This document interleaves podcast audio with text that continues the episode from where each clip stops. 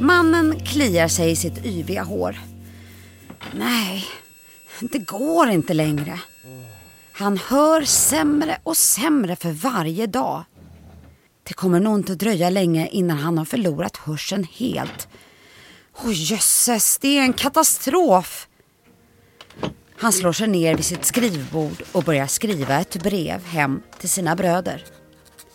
Tänk om han måste sluta komponera för att han faktiskt inte kan höra längre. Vad ska han ta sig till? Ja, det frågar sig Ludwig van Beethoven.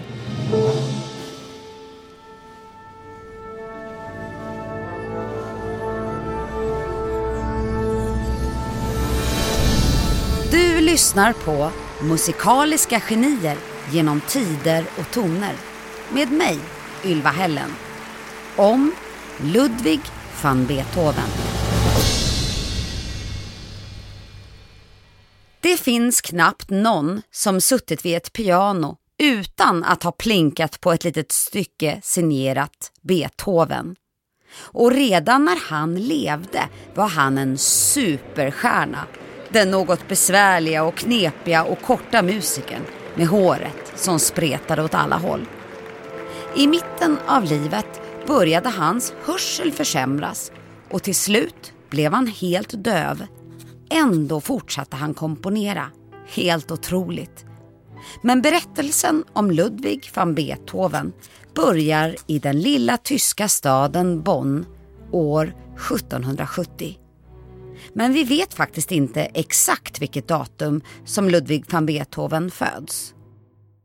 Hans pappa heter Johan och hans mamma heter Maria Magdalena. Totalt får hans föräldrar sju barn. Men det är bara Beethoven och två av hans bröder som överlever de första svåra åren. Livet är skört på den här tiden. Mediciner och vaccin som finns idag fanns inte då. Hur är livet hemma hos familjen Beethoven då? Ja, det är ärligt talat lite sisådär. För trots att pappa Johan är anställd som hovmusiker och vistas i de fina salongerna så tjänar han inte speciellt bra. Och det är hans lön som ska försörja familjen. De bor trångt, mörkt och litet. Och pappa Johan hänger helst på jobbet och umgås med fint folk. Han dricker dessutom en hel del alkohol och har svårt att ta hand om pengar. Ansvaret för barnen hamnar på mamma Maria Magdalena och hon blir Beethovens trygghet under uppväxten. Senare i livet kommer han skriva om henne i ett brev. Hon var en så god och kärleksfull mor till mig. Min bästa väninna. Pappa Johan, som ju själv är musiker, ser tidigt att Beethoven också har musiken i sig. Han lär honom spela violin och piano. Men hans sätt att undervisa är strängt och hårdhänt. Och ibland gråter lilla Beethoven där han står på sin bänk för att nå upp till tangenterna. Pappa Johan vill att Beethoven ska få en anställning som hovmusiker. Inte minst för att han också ska kunna dra in pengar till familjen. Pappa Johan skriver brev och tjatar en del och till slut anställs Beethoven av samma hov som hans pappa jobbar för och hans musikalitet väcker uppmärksamhet. Åh, vad han kan den unge pojken! Beethovens nya arbetsplats är, hör och häpna, ett palats som tillhör Max Friedrich av Köln. Salarna pryds av vackra målningar och från taken hänger gigantiska ljuskronor. Ibland arrangeras baler och maskerader som gästas av Bonns finare invånare och där får inga fattiglappar komma in. Nej, nej. För på den här tiden görs det stor skillnad mellan fattiga och rika. Hur gammal är Beethoven nu då? Ja, ni. det är lite oklart. Till och med för honom själv. Troligtvis är han runt 13 år just nu.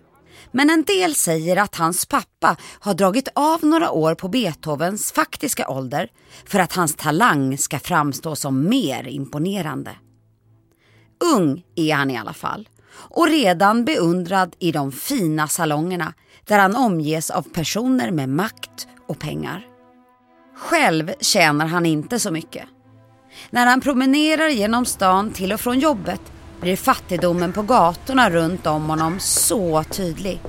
Han går förbi fattighus där de allra fattigaste trängs och i de smutsiga gathörnen sitter tiggare. När Beethoven är 17 år vill han resa bort från Bonn och uppleva Wien. En stad som är poppis för musiker på den här tiden. Den pulserar av liv och kultur. Men framför allt, där finns Mozart, det musikaliska geniet. Beethoven, som är 14 år yngre än Mozart, inspireras otroligt mycket av honom. Han spelar ofta Mozarts verk och har honom som förebild när han själv komponerar. Nu vill han gå i skola hos Mozart och reser till Wien. Men det blir inte som han tänkt. Troligtvis träffar han Mozart, men hur deras möte ser ut vet vi inte riktigt. Det vi vet är dock att Beethovens mamma Maria Magdalena blir sjuk hemma i Bonn och Beethoven får snart resa hem igen. Han hinner precis hem för att ta farväl av sin älskade mamma innan hon dör i lungsot. Pappa Johan är alkoholiserad och kan inte ta hand om familjen. Så det ansvaret faller nu på Beethoven eftersom han är äldst av bröderna. Fem år senare har livet för familjen blivit så pass stabilt att Beethoven kan resa till Wien på nytt. Han vet det inte nu, men det här är hans livs viktigaste resa. Resan som kommer ta honom in i musikhistorien, ja till och med världshistorien. Beethoven har det bra i Wien.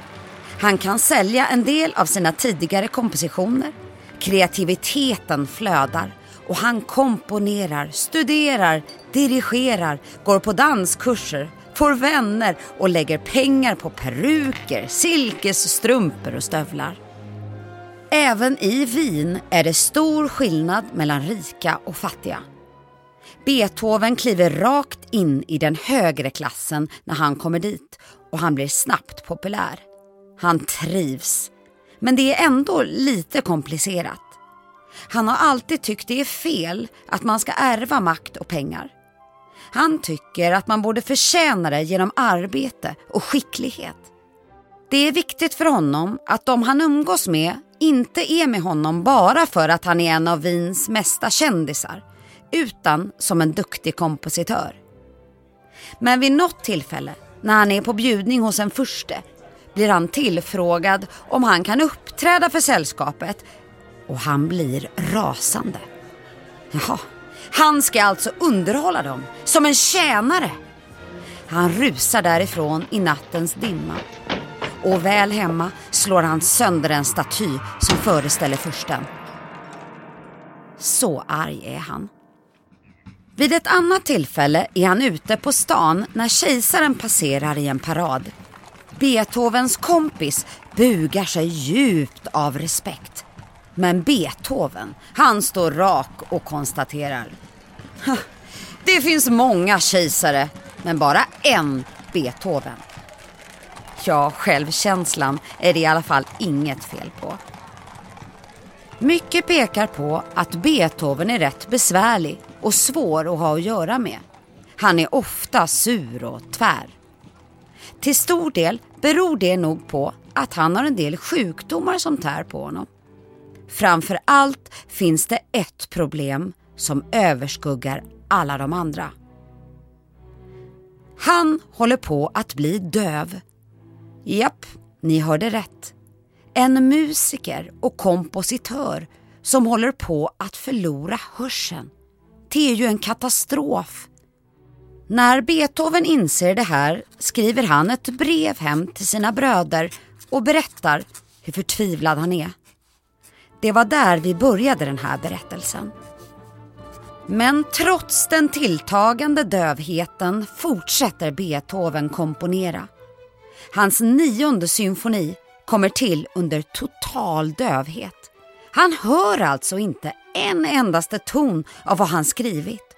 Och när den ska uppföras första gången dirigerar han själv orkestern. Succén är enorm och publiken är som tokiga. Det applåderas och jublas. Men det här hör inte Beethoven. Han kan bara se det först när han vänt sig om och det får honom att börja gråta där på scenen. Ja, Beethovens musik får publiken att strömma till konserterna. En annan succé är den sjunde symfonin Il Allegretto som går så här.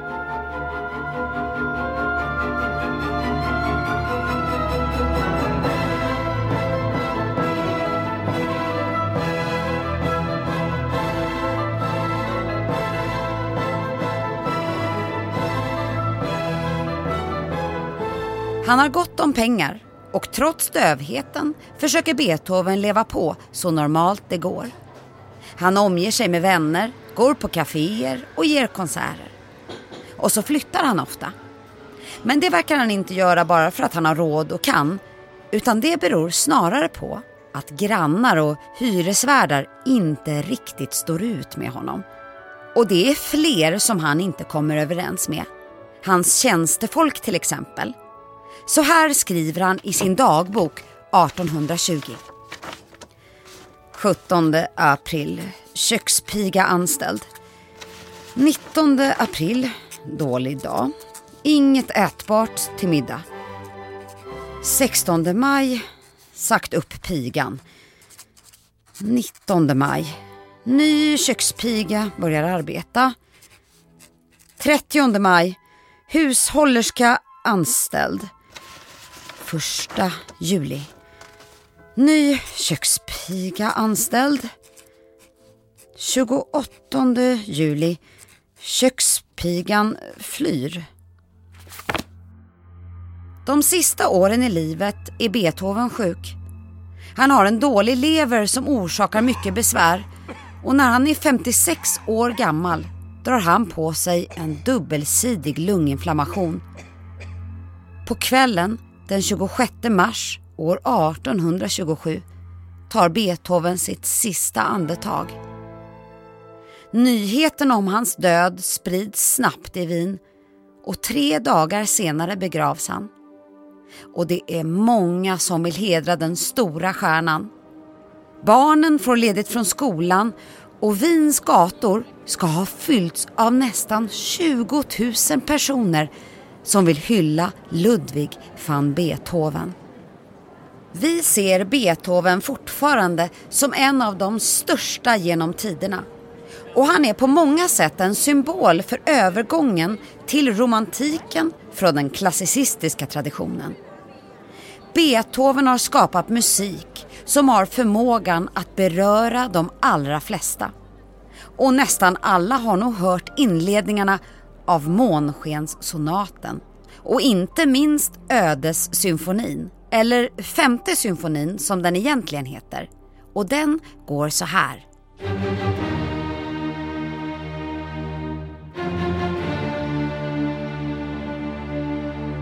Och vet du att Fyrelis till och med finns som melodi i eltandborstar? Men det är en annan historia.